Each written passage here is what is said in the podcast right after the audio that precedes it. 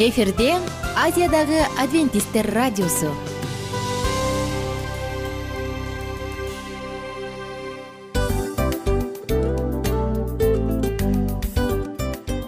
Достор салют. Баардык сүйүктүү угармандарыбызга салам айтабыз. Кутман күнүңүздөр менен. Ден соолук өмүрдүн булагы демекчи саламат саамы программасында баарыңыздарды көргөнүбүзгө абдан кубанычтабыз. Анда алгач амандашып өтөлү арбаңыздар деп. Ден соолугуңуздар кандай элибизде көбүнчө ден соолук кандай дегенде эле жакшы деп жооп беребиз э? ооруп турсак дагы жакшы дейбиз. Анан мен муну айтып ойлойт элем бул абдан сонун сөз депчи анткени бул жакшы деген үмүт да э баары жакшы болот. Баары сонун. Деп үмүттөнүп атып эле өзүбүздү өзүбүз дарылап коебуз. Анысы кандай? Сиздин дагы ден соолугуңуз жакшы беш деген үмүттөбүз чындыгында ден соолук бул өмүрдүн булагы деп бекеринен айтылган эмес деп ойлойм. Кыргыз элинде анткени эгерде ден соолук жок болсо анда адамдын жашоосунда калган баардык керектүү маңыздуу нерселер өзүнүн баалуулугун жоготуп коет. Ошондуктан ден соолук бул эң керектүү нерсе. Ооба туура айтасың кесиптешим чынында ден соолугуң жок бир эки үч күн ооруп калсаң эле кандай болуп калат? Жашоодо көз каранды болуп каласың көп нерсеге жетишпей каласың көп нерсени кыла албай каласың жада калса эчке дүкөнгө да чыга албай каласың. Туптуура анан ден соолук болсо демек биз биздин бактыбыз тотой деп койсок болот. Анда достор саламат саамы рубрикабызды баштайлы. Алдыда өзүңүзгө керектүү болгон сонун кеңештерди уга аласыздар. Мына ошондуктан биз менен бирге болуңуздар. Ал эми биз болсо милан жана айнура. Кеттик алга. Алга саламат саама ден соолуктун жарчысы. Саламат саама ден соолуктун ачкычы. Күн сайын сиз үчүн мыкты кеңештер сонун жаңылыктар кызыктуу фактылар биздин рубрикада.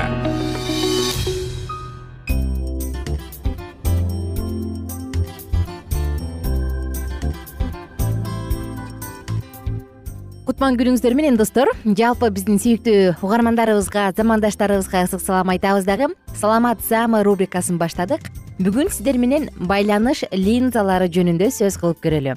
Достор чындыгында көзүнүн көрүүсү курч эмес начар көргөн адамдар эмне кылат? Алар эми эмне кылам очки кийип каламбы? Көз айнек тагынамбы? Же линза тагынсамбы дейт? Бүгүн сиздер менен келиңиздер. Эмне себептен линза тагыныш керек же тагынбаш керек? Жана эмне себептен көз айнек тагыныш керек жана тагынбаш керек? Ушул жөнүндө кененирээк айтып берели бир нече варианттарын сунуштайлы дагы кайсыл ага каршы кайсы макул мына ошону бирге таразалаганга аракет кылалы. Анткени достор мурунку уктуруулардан бери сиздер менен көз көздүн түзүлүшү анатомиясы көздүн душмандары жөнүндө сөз кылдык көздү кантип коргош керек эмне жеш керек баарын айтып келбедикпи эми акырында убагында айттың ай ушул уктурууну укканда монтмек экенмин. Бирок азыр көзүмдүн көрүүсү начар очки тагынып жүрөм же линза тагынып жүрөм деген угармандарыбыз үчүн өзүнчө бир программа даярдап чечүүнү чыктык. Ошондуктан бизди жакшылап угуңуз биз менен бирге болуңуз. Контакт линзалары же болбосо байланыш линзалары булар көздүн былжыр кабыкчасына орнотулуучу же тагылуучу кадимки эле линзаларга окшош. Ал эмне кылат? Ал көздүн көрүүсүн курчутат. Алардын жардамы менен адам алыс жакты көрө алат кадимкидей кыймылдай алат кадимкидей эле башка адамдарда жүрө алат. А эң негизгиси калың очки көз айнек тагынбайт. Анан кээде болсо азыркы учурда кандай линзалар бар? Линза атайын көздүн көрүүсүн жакшыртуучулары бар. Андан сырткары түстүү линзалар бар. Кааласаң көзүңдү кызыл кыласың кааласаң жашыл кааласаң көк кыласың. Анан оттенок берип турган атайын түс берип турган контакт линзалары бар. Албетте декоративдүүлөрү бар. Алар көздү жөн гана кооздошот. Булардын эң эле негизги максаты бул көздүн көрүүсүн жакшыртуу. Эмесе бүгүн сиздер менен декоративдүү линзалар эмес контакттуу линзалар же байланыш линзалары жөнүндө кененирээк сөз кылабыз. Биринчи эле кезекте линза менен көз айнек көздүн көрүүсүн курчутуучу. Булар конкуренттердей көрүнөт бирок андай эмес. Анткени бир аздан кийин көз айнек кандай кылат? Ал эми контакт линзасы кандай көргөнгө жардам берет? Өзүбүзгө түшүнүктүү болуп калат эгерде адамдын көзүнүн көрүүсү бир аз эле диоптрияга начарлаган болсо диоптрияга анда адам жөн гана кадимки эле көз айнек тагына алат. Ал театрга барабы кинотеатргабы же кандайдыр бир алыста турган нерсени карайбы мында жөн гана көз айнек тагынып кайра чечип коюп турса болот. Өзгөчө жаштын өтүшү менен улгайып калган апаларыбызды билебиз э?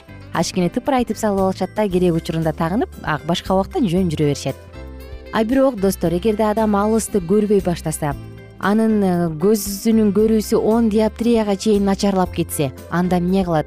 Ал ушундай он сантиметрге чейинки калыңдыктагы көз айнекти тагынып жүрөбү элестеткөңүз канчалык ыңгайсыз. Бул оор бул жагымсыз көрүнөт капкалың беш алты сантиметрлик айнектүү көз айнек бул ыңгайсыз анткени баардык жерден түшүп кетиши мүмкүн. Адамдын мурду анчалык чоң эмес э демек мындай учурда эмне кылыш керек? Ооба андай учурда айла жок контакт линзаларын тагыныш керек болот. Контакт линзаларынын эмнеси жакшы? Контакт линза тагынганда сен оңдубу солдубу өйдөбү ылдыйбы алдыныбы баардык жагын бирдей учурда каалагандай карай аласың. Ал эми кадимки эле жогоруда айтылган калың айнектүү көз айнектерди тагынсаң сен оң солду жакшы карай албай каласың. Ал көз айнек сени болгону алдыдагы предметти гана даана көргөнгө жардам берет. Ошондуктан бул адам баары бир өзүнө ыңгайсыз абалдарды сезип турат. Ал эми контакт линзалары мындай нерседен сактайт. Контакт линзаларын тагынсаң сен өзүңдү башкалардай эле сезесиң. Болгону көрүүң дагы жакшырып калганын сезип өзүңө ишенимдүү болосуң. Эмесе достор контакт линзаны кайсы учурда тагыныш керек? Канчага чейин диоптрия начарлап кеткенде тагынса болот? Жана кандай учурда контакт линзаларын тагынса ыңгайлуу? Ушул жөнүндө сөз кылдык эми албетте баардыгы эле жакшы эмес. Жараткан жараткан өзү эле көздүн өзү эле сонун. Бирок ошого карабастан ар кандай көйгөйлөр болуп жатпайбы? Көздүн курчу кетип калып атат. Эми айла жок линза же көз айнек тагынышка туура келди. Линза деп жатып келиңиздер. Линза тагынган адамдарда дагы өзүнчө бир белгилүү кыйынчылыктар болоорун баса белгилейли. Анткени линза тагынган адам биринчи учурда дайыма дайыма көнгөнчөктүбү көнгөндөн кийин дагы олуттуу түрдө гигиенаны сакташ керек анткени линза аркылуу көзгө инфекция кирип кетсе анда бул өтө эле коркунучтуу нерсе пайда болот грибоктор пайда болуп кетет. Мындай адам башка бир адамдын линзасын тагынып көрөйүнчү деп тагынып же өзүнүкүн башкага бербеш керек. Бул аркылуу дагы грибок жугат колдон келишинче көздү таза жууп линзаларды тазаланган фильтрленген таптаза гана сууга жууш керек. Крандагы сууну ачып туруп эле жууп койгон жетишсиз достор баарынан мурун түнчүндө уктаарда линзаны сөзсүз чечиш керек. Анын инструкциясында жазылган убакыттан алыс убакыт андан да ары колдонбош керек. Жак эле жакшы жарайт деп колдонбоңуз абайлаңыз.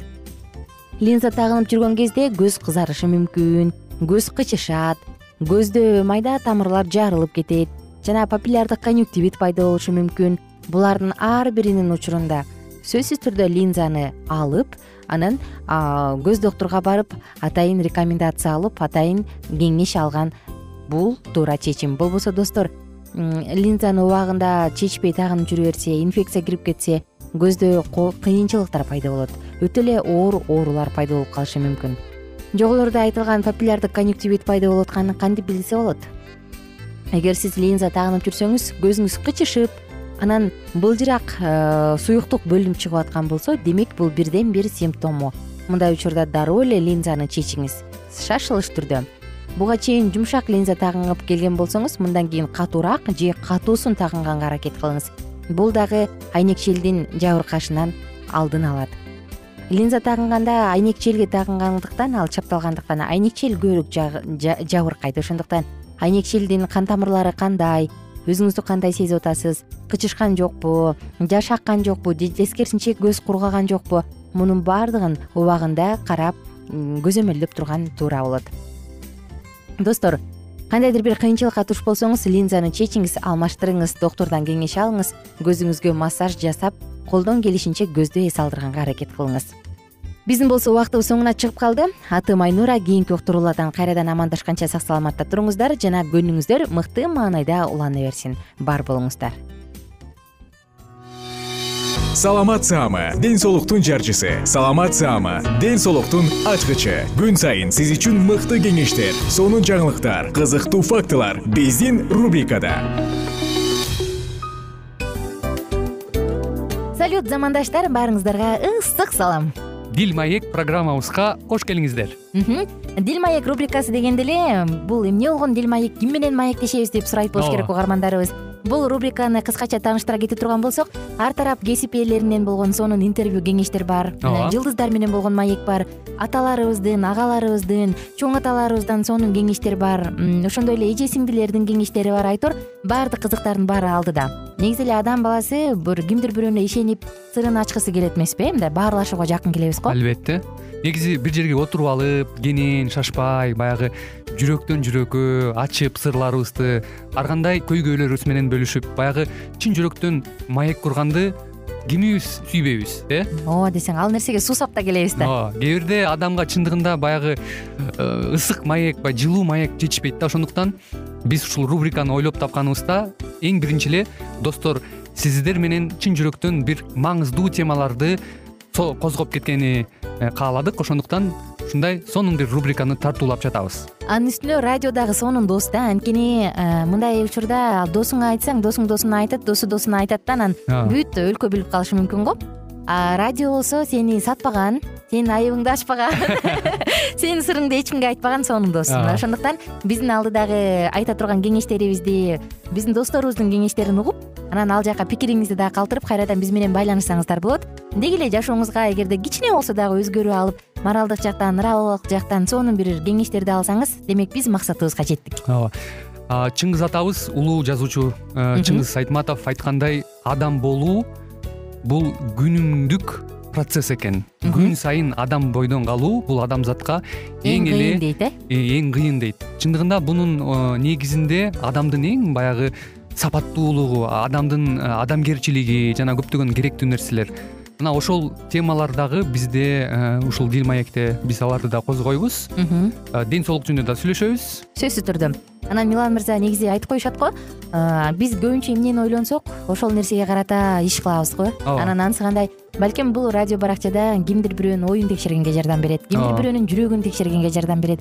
Балким кимдир бирөөгө жашоонун маңызын тапканга жардам берет айтор кызыктын баары алдыда бул жөн гана кыскача жарнама анда угармандарыбыздын баардыгын кийинки рубрикабызга чакырабыз. Ал эми кызматта маңдайымда отурган кесиптешим милан жана мен айнура. Анда эмесе биз даярдаган терең терең ойлор менен таанышууга кеттик. Алыс алыс баралык.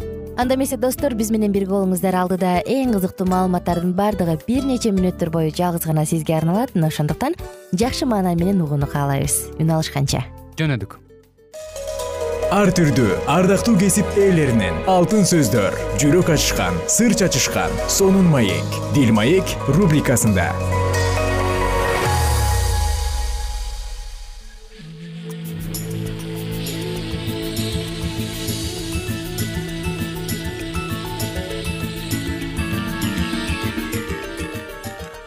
кутмандуу күнүңүздөр менен кымбаттуу радио угармандарыбыз. Кайрадан эле сиздердин назарыңыздарда сүйүү жоолугушуулар жана нике аттуу программабызды баштайбыз. Никеге чейинки жыныстык байланышта болуунун өзү деги эле туурабы. Э, албетте бул жаатта туура эмес кээ бир учурда мындай окуялар дагы туш болот экен. Мисалы жигит дагы э, ушул жыныстык катнашка баруу учурунда ал дагы жок деп айтышы керекпи деген суроо жаралат экен. Албетте бул жакта дагы бүгүнкү берүүбүздө ушул туурасында дагы айрым бир кеңештер менен бөлүшүп өтмөкчүбүз. Андыктан биздин ободон алыстабай дал ушул мүнөттөрдө биз менен биргеликте болуңуз жигит да жок деп айтышы керекпи. Сөзсүз айтыш керек. Кээ бир жигиттер кыздар үчүн башка жигиттер үчүн башка талаптар коюлган деп ойлошот. Бирок кудай эки башка талап койгон эмес. Ал жигиттерден деле кыздардан талап кылгандай тазалыкты талап кылат. Кудайдын мыйзамдарын бузган. Эч бир адам жазадан качып кутула албайт. Бир жаш жигит мындай деп бөлүшүп өткөн экен. Менин жашым он алтыда мен аябай жаштык кылып жакшы көргөн кызым менен жыныстык байланышта болуп алганым үчүн бүгүнкү күндө өзүмдү күнөөлөп келем. Азыр мен бул кылган кылыгым үчүн өзүмдүн күнөөм үчүн уяламын. Менин ата энем да кудайга ишенген адамдар болгондуктан алар мага татыктуу тарбия бергенге аракет кылып келишчү. Менин бул жоругумду уккан ата энемдин төбө чачтары тик турду. Ошондой эле никеге турганга чейин жыныстык байланышта болгонум үчүн жан дилим менен жакшы көргөн кызымдан айрылып калдым. Менин жактырган кызымдын аты самара ал да мени жакшы көрөт. Мен да аны аябай жакшы көрөм. Бирок биз жыныстык байланышта болгонубуз үчүн менин үй бүлөм жана ата энем аны бузулган кыз деп ойлошот. Чынын айтсам биз экөөбүз бул жашоодо эң биринчи жолу алгачкы ирет жыныстык байланышта болгон элек. Азыркы учурда мен бул кылган кылыгым үчүн жапа чегип жатам. Самара дагы эмне кылаарын билбей жатат. Ал эми мен болсо самарадан таптакыр ажырап калгым келбейт. Ошондуктан самара экөөбүз никеге чейин жыныстык байланышта болгонубуз үчүн бул кылган кылыгыбыз экөөбүздү эки айры жолго салды. Андыктан урматтуу жаштар мен дагы өзүмдүн башыман өткөргөн окуя жөнүндө бөлүшкүм келди. Кээде жигит эмес кыз дагы бул окуяны тездетип жибериши мүмкүн. Досум сен ушундай кыздын тузагына кабылып кала турган болсоң өмүрүң ойрон болду дей бер акылдуу адам өзүнүн кылган иштеринде кандай натыйжа алып келерин көрүп ошого жараша иш кылат эмеспи эгер сен да акылдуу иш кылгың келсе анда жок деп айтканды үйрөнүшүң керек каалоолоруңа дененин кумарларына жок деп айтканга үйрөн. Жеңил ойлуу акылсыз жана шашмак кыздарга албетте жок деп айтышың керек. Мындай ыпластык иштерге түрткөн досторума жана отуруштарга жок деп айтышым керек. Албетте сен жаш болгондуктан жыныстык каалоого карата болгон күчтүү каалоо болушу да мүмкүн. Сен да аларды башкара алганга күчүң жетет. Андыктан дене кумарына жол бербей өзүңдү колго алууң абдан зарыл ошол эле учурда күчтүү жана акылдуу тунук ой жүгүртүүгө аракет кыл. Ар кандай жыныстык каалоолорду ойгото турган көз караштардан алыс болгонуң зарыл. Ал сенин өзүңдүн өмүрүңө эле залакасын тийгизбестен сени менен жыныстык катнашта болгон татынакай кыздын тагдырына дагы балта чабылып калышы мүмкүн. Андыктан бул туурасында тереңирээк ой жүгүрткөнүң зарыл. Ошондой эле никеге чейин жыныстык мамилелерге эч убакта жол бербегениң жакшы бул кылган иштериңди көрүп турган жаратуучу сенин жашооңо мол батасын берет. Андыктан сен дагы келечекте бактылуу нике курганыңда ошол жаратуучуга миң мертебе ыраазычылыгыңды билдиресиң. Азыркы жаштар бир нече актанууларды дагы колдонушат экен. Кандай десеңиз бул төмөндөгүчө баары эле ушундай кылып жатышпайбы? Бул жалган түшүнүк. Баары эле буга барышпайт албетте жаштар көңүл ачыш үчүн жыныстык мамилеге барышы мүмкүн. Бирок ошол эле мезгилде ар бир мектепте ар бир жерде буга жол бербеген жаштар да бар. Эгер сен экинчи топко кошулгуң келсе анда сен ошол топтон көп адамдарды кездештирмексиң. Жигиттер кыздар алданбагыла курдаштарыңардын тамашалары же ачуу сөздөрү силерди өзүңөр каалабаган жаман иштерге түртүшүнө жол бербегиле бир жаш кыз. Билесиңби мен туура жолдо жүргөнүм үчүн элдин баарына шылдың болуп бүттүм. Жакында эле менин эң жакын досум. Сен азыркыга чейин кыз бойдон жүрөсүңбү деп мени аябай шылдыңдады дептир. Ал эми мен ага мага жакшылап кулак салчы. Анын жашоосу башка сенин жашооң башка. Силер он жылдан кийин жолукканыңарда. Ким туура кылгандыгын көрөсүңөр деп биз силерди сооротмокпуз ошондой эле дагы бир актануулардын себеби болуп жаштар арасында мындай деген дагы ой бар экен. Шарт болсо эле дароо биз үйлөнөбүз дешет экен көпчүлүк жаш кыздар ушул убадага алданышат. Кыздар буга мындай деп жооп беришсе жакшыраак болмок. Нике жөнүндө сөз кылып калганыңдан кийин? Бул тууралуу менин ата энем менен сүйлөшүп көрбөйлүбү. Дагы бир актануулардын себеби. Канчалык мен аракет кылсам дагы өзүмдү эч убакта кармана албайм дешет экен сен чын эле канчалык аракет кылсаң дагы өзүң кармана албаган адам менен баш кошкуң келеби. Ал кандай шылтоолорду ойлоп таппасын? Секс чыгуу жолу эмес экендигин эсиңде болсун. Ал азап чеккенинен акылынан айнып кетпейт. Машинеден чыгып бир аз сейилдеп келчи деп айтсаң да туура болчудай. Ошондой эле жигиттер кыздарга карата өзүнүн жыныстык каалоосун аткаруу максатында мындай деп дагы сунуш кылышат экен. Эгер сен мени сүйсөң өзүңдү толугу менен мага тапшырышың керек деп сүйгөндүгүн далилдеп жигитине берилген ар бир кыз өзүн өзү басынтууга жол берет. Муну менен ал жок деп айтканга акылы же күчү жетпей тургандыгын гана далилдейт.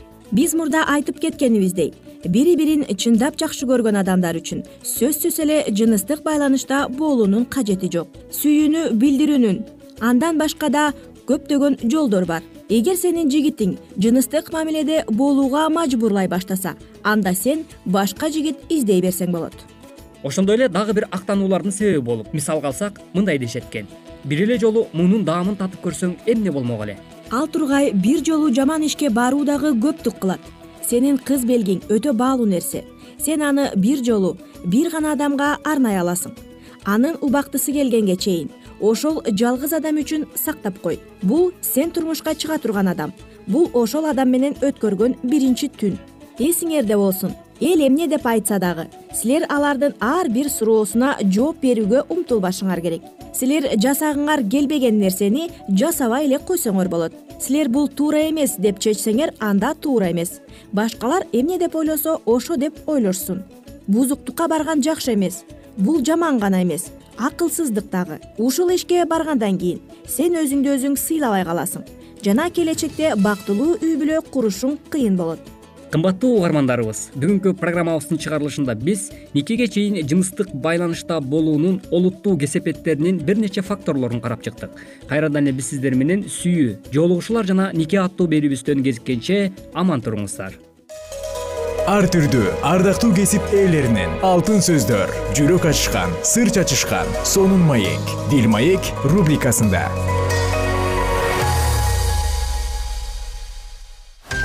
Жан дүйнөңдү байыткан жүрөгүңдү азыктанткан жашооңо маңыз тартуулаган жан азык рубрикасы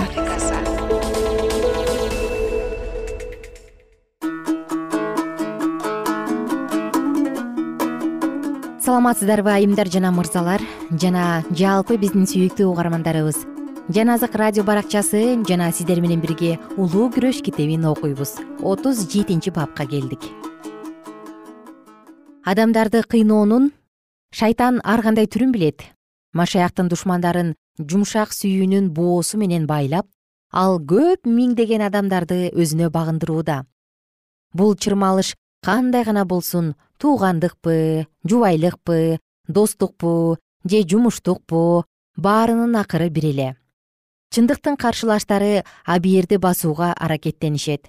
Жана алардын бийлигине баш ийген адамдар өз милдетин аткарыш үчүн көз карандысыздыкка жана чечкиндүүлүккө ээ болбогон адамдар. Кудайдын даңкы менен чындыгы ажырагыс.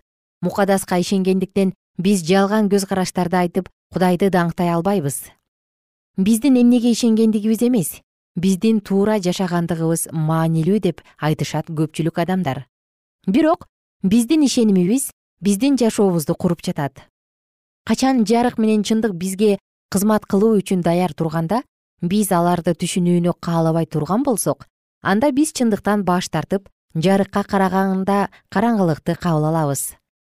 Адамга түз көрүнгөн жолдор бар жана алардын акыры өлүмгө алып баруучу жолдор дейт насаатчы он алтынчы бап жыйырма бешинчи аятта.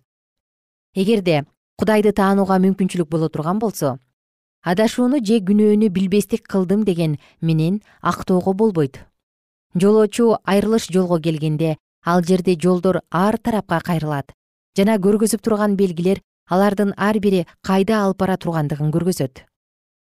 Эгерде жолоочу ал белгилерге карабастан өзүнө жакшы көрүнгөн жагын тандап ала турган болсо анда тилекке каршы ал туура эмес жолго түшүп калат. Кудай бизге аны менен таанышып жана анын талаптарын билибиз үчүн өзүнүн сөздөрүн берген. Качан бир окумуштуу ыйса машаякка түбөлүк өмүргө ээ болушум үчүн мен эмне кылышым керек? Деп сураганда куткаруучу анын көңүлүн ыйык жазууларга буруп мындай деп айтат. Мыйзамда эмне деп жазылды эле? Эмнени окуп жатасың? Аны билбегендик жаш адамга да карыяларга дагы кечирилгис нерсе жана аларды кудайдын мыйзамын бузгандыктан куткара албайт. Анткени алардын колунда бул мыйзамдын күбөлөндүрүүлөрү жана талаптары бар. Жакшы ойлуу болуу жеткиликсиз. Жана адам эмнени жакшы деп эсептесе жана насаатчы айткан нерсени жасагандык дагы жеткиликтүү болбойт. Өз куткарылуусу жөнүндөгү суроону адам өзү чечет. Ошондуктан адам өз алдынча ыйык жазууну өзү изилдениши зарыл. Анын ишеними канчалыктуу бекем болбосун дин кызматчы ыйык жазууну жакшы билет деп ойлобосун ушунун бардыгы анын ишениминин негизи боло албайт. Жана болбошу дагы керек. Анын колунда асманга алып бара турган карта бар. Жана ошондуктан ал божомолдоо менен жүрүшү керек эмес. Ар бир терең ой жүгүрткөн адамдын биринчи жана жогорку милдети болуп ыйык жазууну изилдөө саналат. Чындыкка жетип жана башкаларды өз жашооң менен кубаттап анын жарыгын алып жүрүү. Мына ушул биздин милдетибиз биз күн сайын ар бир ойду таразалап жана аяттарды салыштырып ыйык жазууну ынталуулук менен изилденишибиз зарыл. Кудайдын жардамы менен биз өз оюбузду иштетүүбүз керек. Анткени ар бир адам кудай алдында өзүнө жооп берет. Мукадастагы ачык айтылган чындыктар жогорку даанышмандыкка ээ болдук деген жана адамдарды жазуулар жашыруун түшүнүүгө кыйын руханий мааниге ээ жөнөкөй адам аны түшүнө албайт деп окуткан окумуштуулардын күмөн саноолоруна кабылып калган. Булар жалган окутуучулар. Ыйса машаяктын бул сөздөрү ушундай адамдарга карата айтылган. Кудайдын күчүн жана жазууларды билбей адашасыңар. Мукадастагы сөздөрдү символдор менен каймана айтылган сөздөрдөн башкасын өзүндөй гана түшүнүү керек.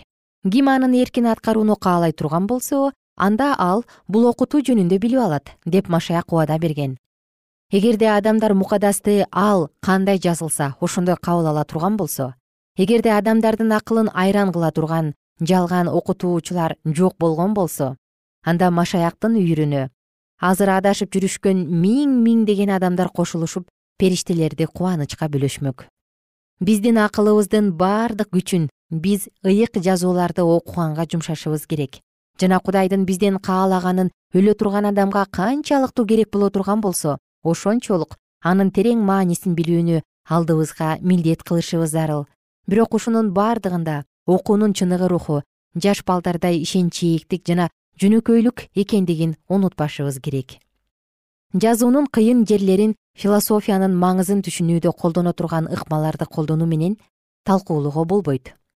Ким ыйык жазууну изилдөөгө кирише турган болсо көп сандаган окумуштууларга таандык болгон өзүнүн акылына медер кылуучулуктан арылуусу зарыл жана өзүндө сыйынууда боло турган кудайга гана болгон көз карандылыкты жана анын эркин чын эле билүүнү самагандыкты билиши зарыл. Биз окуучулук рухунун жардамы менен кудайдан момундук менен билим алышыбыз керек. Антпей турган болсок жаман периштелер акылыбызды көр кылып жүрөгүбүздү карайтат жана чындык бизди ишендире албай калат жада калса окумуштуу адамдарга табышмактуу же маанисиздей көрүнгөн ыйык жазууда аяттар көп. Бирок алар машаяктын алдында билим алган адамдар үчүн көп сооротуучу жана насааттоочу сапаттарга ээ көптөгөн кудай сөздөрүн талкуулаган адамдар кудай сөздөрүн үстүртүдөн гана кабыл алышат.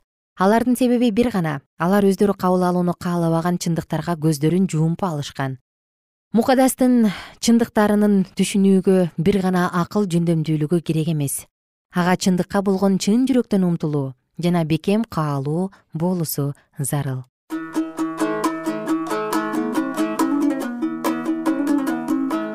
Кымбаттуу окурман угарман сиздер менен бүгүн дагы улуу күрөш китебинен эң сонун мыкты жашоого чоң зор таасирин тийгизе турган үзүндү окуп өттүк жашооңузда дайым жаратуучу жетекчилик кылсын. Чындыкты издеңиз. Анткени жараткан адамдын өзүнүн мамилесине жараша баардык нерсени ачып берет. Сиздер менен бирге кайрадан кийинки уктуруудан амандашканча сак саламатта туруңуздар. Күнүңүздөр көңүлдүү улансын жана баардык учурда кайсы гана жерде болбоңуз чындык дайыма сиз үчүн ачык болсун. Жарыктын уулдары деген ат сизге дагы таандык болсун. Баардыгыңыздар менен амандашканча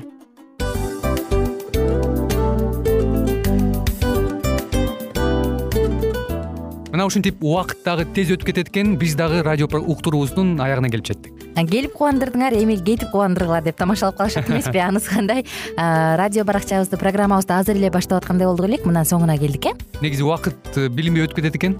Мен дагы э, убакыт дегенде бүгүн бир адам менен сүйлөшүп калдым. Анан убакыт бул мүмкүнчүлүк деп айтып өзүмө өзүм айтып алып анан мага өзүмө эле кайра ачылыш болду да чын эле э карап отурсаң ошол эле жыйырма төрт саат ошол эле жарым саат кайталанып атат бирок сендеги мүмкүнчүлүк жок ошол кой берилип кетти? Анысы кандай? Бүгүнкү сонун убактыңызды алтындай болгон жарым саатыңызды бизге бөлүп арнаганыңыз үчүн ыраазычылык айтабыз. Анан жашооңуздун кайсы бир сферасын өзгөртө турган сонун пайдалуу кеңеш алган болсоңуз анда биз максатыбызга жеттик.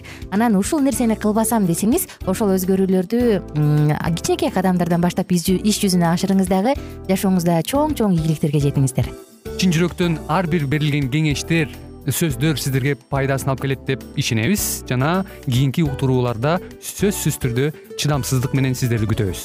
Сагынычтуу салам айтып кайрадан дал ушул жыштыктан баардыгыңыздарды тосуп алганча. Кызматта мен айнура жана кесиптешим милан. Анда кол каалайбыз жалпыңыздарга ийгиликтүү күн. Саламатта калыңыздар